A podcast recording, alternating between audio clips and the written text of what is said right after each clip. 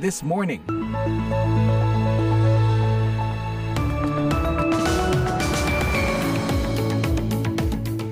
Halo halo pendengar, selamat pagi dari Ibu Kota Amerika di Washington DC. Senang sekali saya Puspita Sariwati dapat menjumpai Anda lagi pagi ini. Kami di Amerika sudah memasuki musim gugur pendengar. Banyak acara yang melibatkan Indonesia antara lain Festival Jalanan di New York Sabtu nanti. Makin banyak UKM Indonesia nih memasukkan produknya di pasar Amerika. Ikuti ya dalam liputan-liputan kami mendatang.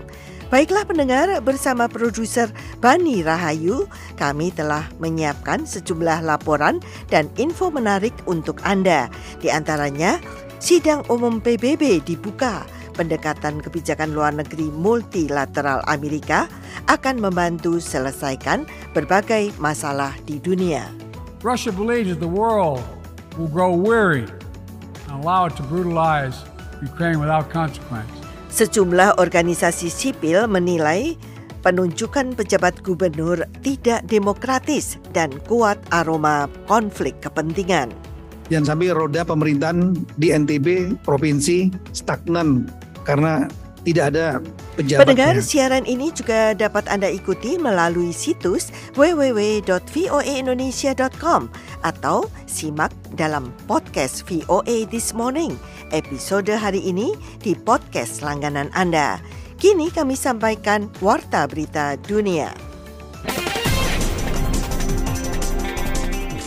Masa depan perjanjian penting antara Korea Selatan dan Korea Utara yang ditandatangani lima tahun lalu untuk mengurangi ketegangan militer kini menghadapi ketidakpastian menyusul apa yang dianggap Seoul sebagai serangkaian pelanggaran dan provokasi militer yang dilakukan Pyongyang. Perjanjian militer komprehensif atau CMA yang ditandatangani oleh kedua Korea pada 19 September 2018 itu merincikan langkah-langkah untuk meredakan ketegangan militer dan mencegah kecelakaan yang tidak diinginkan. Penandatanganan itu dilakukan pada masa Seoul dan Pyongyang rujuk. Namun, hubungan keduanya memburuk dalam beberapa tahun terakhir. Korea Utara meningkatkan program senjatanya, melakukan sejumlah uji coba rudal balistik, termasuk peluncuran rudal balistik antar benua berbahan bakar padat Wasong 18 pada April dan Juli. Seoul melakukan tinjauan hukum atas penangguhan perjanjian itu setelah Korea Utara meluncurkan lima drone yang melintasi Korea Selatan pada Desember tahun lalu. Salah satunya terbang di atas zona larangan terbang yang ditetapkan di sekitar kantor kepresidenan di Seoul dan lainnya terbang di dekat pantai barat Semenanjung. Sekretaris Jenderal PBB Antonio Guterres membuka pidato Majelis Umum hari Selasa dengan mendesak para pemimpin dunia untuk bertindak berdasarkan seperangkat tujuan multilateral – Guterres menyoroti hanya 15 persen dari 17 tujuan pembangunan berkelanjutan atau SDG yang berada pada jalur tepat untuk dicapai pada tahun 2030. Ia menyatakan penyesalannya karena masyarakat dunia tampaknya tidak mampu bersatu.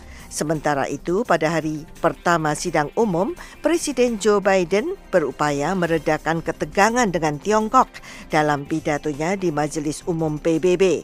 Bahkan ketika AS berupaya memperkuat hubungan dengan negara-negara lain untuk membatasi pengaruh Beijing.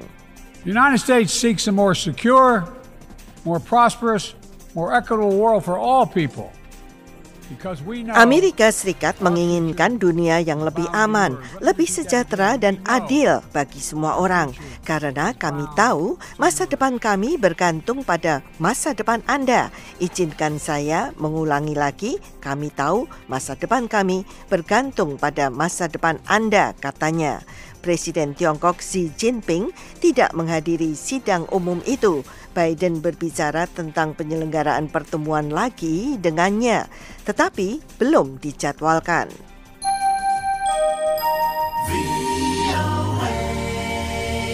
Kita beralih ke Inggris.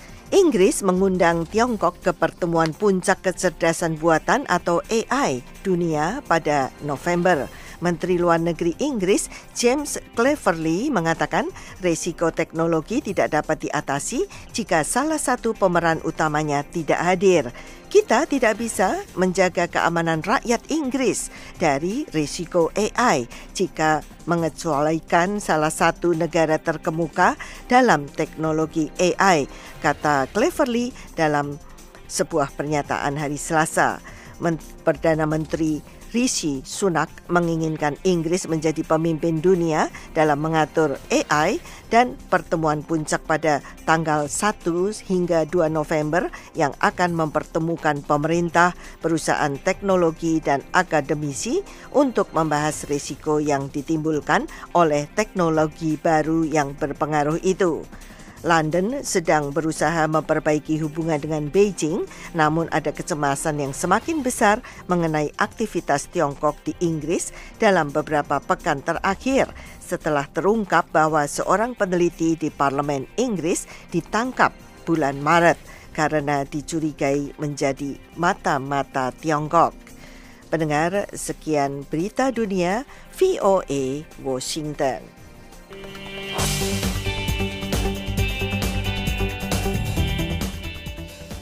Pendengar dalam pidatonya di sidang Majelis Umum PBB di New York, Presiden Amerika Joe Biden berusaha meyakinkan para pemimpin dunia bahwa visi kepemimpinan Amerika dan pendekatan kebijakan luar negeri multilateralnya akan membantu menyelesaikan berbagai masalah paling mendesak di dunia.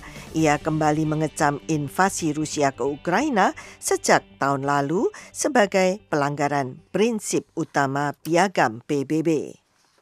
I have the honor to welcome His Excellency Joseph R. Biden Jr., President of the United States of America.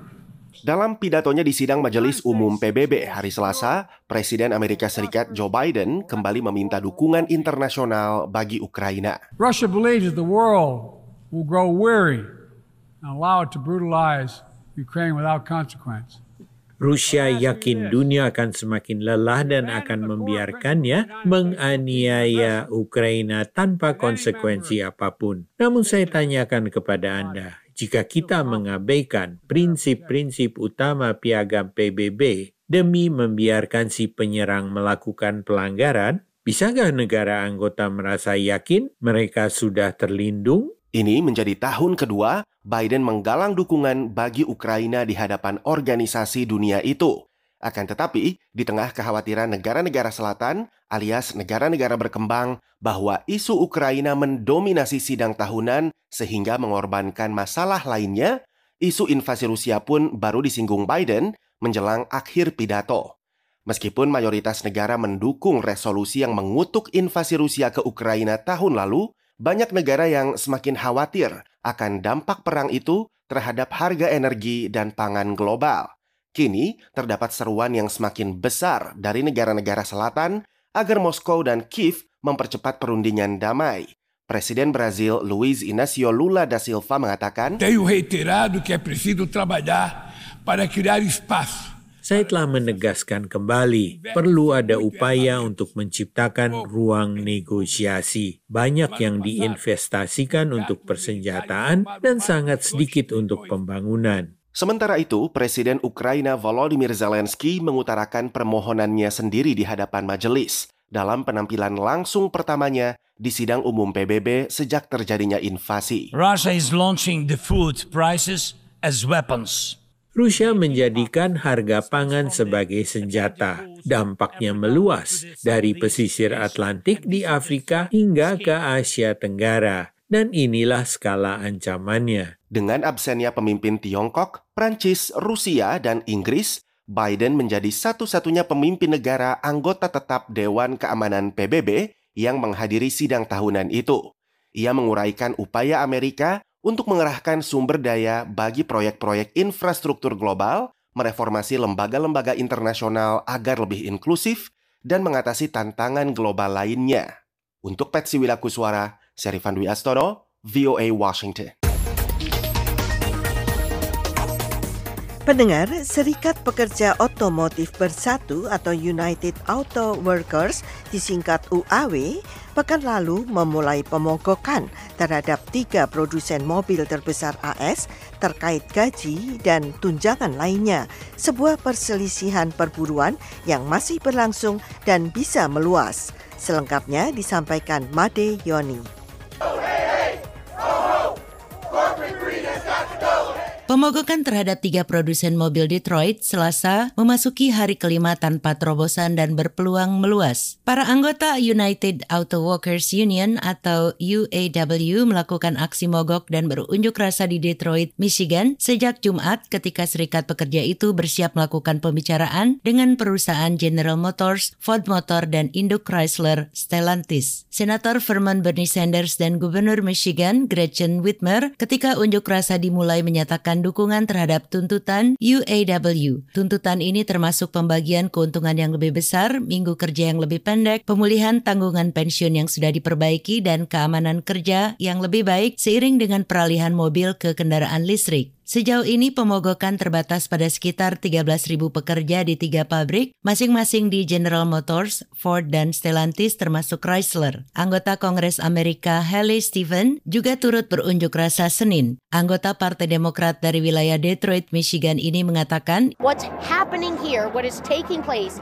at the UAW, and with this strike, three plants... Haley Stevens mengatakan apa yang terjadi di sini yang terjadi di UAW dan dengan pemogokan pekan ini, tiga pabrik di tiga negara bagian yang berbeda. Satu di Michigan, menunjukkan gerakan modern untuk keadilan hukum pekerja dan keadilan bagi pekerja. Serikat Pekerja United Auto Workers menginginkan kenaikan upah sebesar 36 persen selama empat tahun, sementara perusahaan telah menawarkan sekitar 20 persen. Serikat Pekerja juga menuntut jam kerja 32 jam seminggu dengan gaji 40 jam dan perubahan lainnya. Alih-alih melancarkan pemogokan besar-besaran melibatkan 146 ribu anggotanya, serikat pekerja tersebut memilih untuk menargetkan tiga pabrik, sebuah rencana yang bisa membuat dana pemogokan serikat pekerja sebesar 825 juta dolar bertahan lebih lama. Sean Finn, Ketua Serikat Pekerja United Auto Workers ketika mengawali pemogokan Jumat mengatakan, These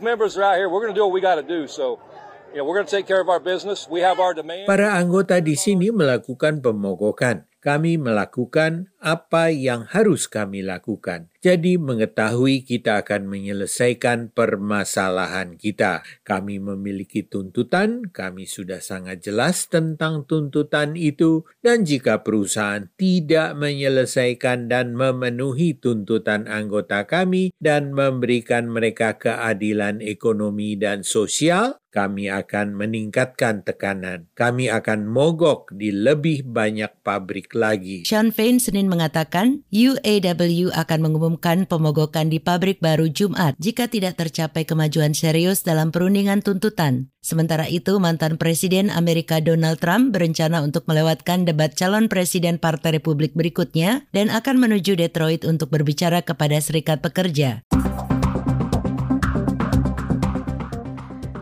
Pendengar, kita beralih ke tanah air. Sepuluh pejabat kepala daerah dilantik sepanjang bulan September ini untuk menggantikan kepala daerah yang berakhir masa jabatan mereka. Sejumlah organisasi sipil menilai penunjukan pejabat gubernur tidak demokratis dan syarat dengan konflik kepentingan. Yohanes Lita melaporkan dari Poso, Sulawesi Tengah. Menteri Dalam Negeri atau Mendagri Tito Karnavian Selasa 19 September melantik penjabat Gubernur Nusa Tenggara Barat atau NTB, lalu Gita Aryadi menggantikan penjabat Gubernur dan Wakil Gubernur NTB untuk masa jabatan 2018 hingga 2023 yang berakhir pada 19 September 2023 yaitu Julkifli Mansyah dan Siti Rohmi Jalila. Tolong laksanakan tugas dengan sebaik-baiknya. Yang paling utama sebetulnya adalah mengisi kekosongan agar roda pemerintahan berjalan. Jangan sampai roda pemerintahan di NTB provinsi stagnan karena tidak ada pejabatnya. Harap Tito Karnavian dalam kegiatan pelantikan itu. Lalu Gita Aryadi yang sebelumnya menjabat sebagai Sekretaris Daerah Provinsi Nusa Tenggara Barat menjadi penjabat gubernur ke-10 yang dilantik pada bulan September 2023. Secara keseluruhan terdapat 17 gubernur, 115 bupati, dan 38 wali kota yang berakhir masa jabatan di 2023. Menurut Mendagri, untuk mengisi kekosongan jabatan kepala daerah tersebut dilakukan berdasarkan ketentuan Undang-Undang Nomor 10 Tahun 2016 dengan mengangkat penjabat sampai dengan terpilihnya gubernur dan wakil gubernur, bupati dan wakil bupati, serta wali kota dan wakil wali kota melalui pemilihan serentak nasional pada tahun 2024. Mendagri menjelaskan untuk mengisi kekosongan jabatan bupati wali kota, diangkat penjabat bupati wali kota yang berasal dari jabatan pimpinan Pratama atau Eselon 2. Dalam siaran persnya Jumat 7 September, Komisi untuk Orang Hilang dan Korban Tindak Kekerasan atau Kontras dan Indonesia Corruption Watch atau ICW menyoroti langkah pemilihan pejabat kepala daerah yang dinilai tidak demokratis dan taat administrasi. Walaupun memang tidak dilakukan lewat mekanisme pemilihan umum atau pemilu karena sifatnya sementara, upaya untuk memilih kepala daerah harus dilakukan secara demokratis sesuai perintah konstitusi. Hal tersebut dimaksudkan agar menyesuaikan keperluan daerah dengan keahlian penjabat tersebut. Dan juga tidak ada ruang publik untuk kemudian melakukan bentuk-bentuk pengawasan dan juga mengajukan partisipasi begitu ya. Kata koordinator Kontras Dimas Bagus Arya dalam konferensi pers secara daring.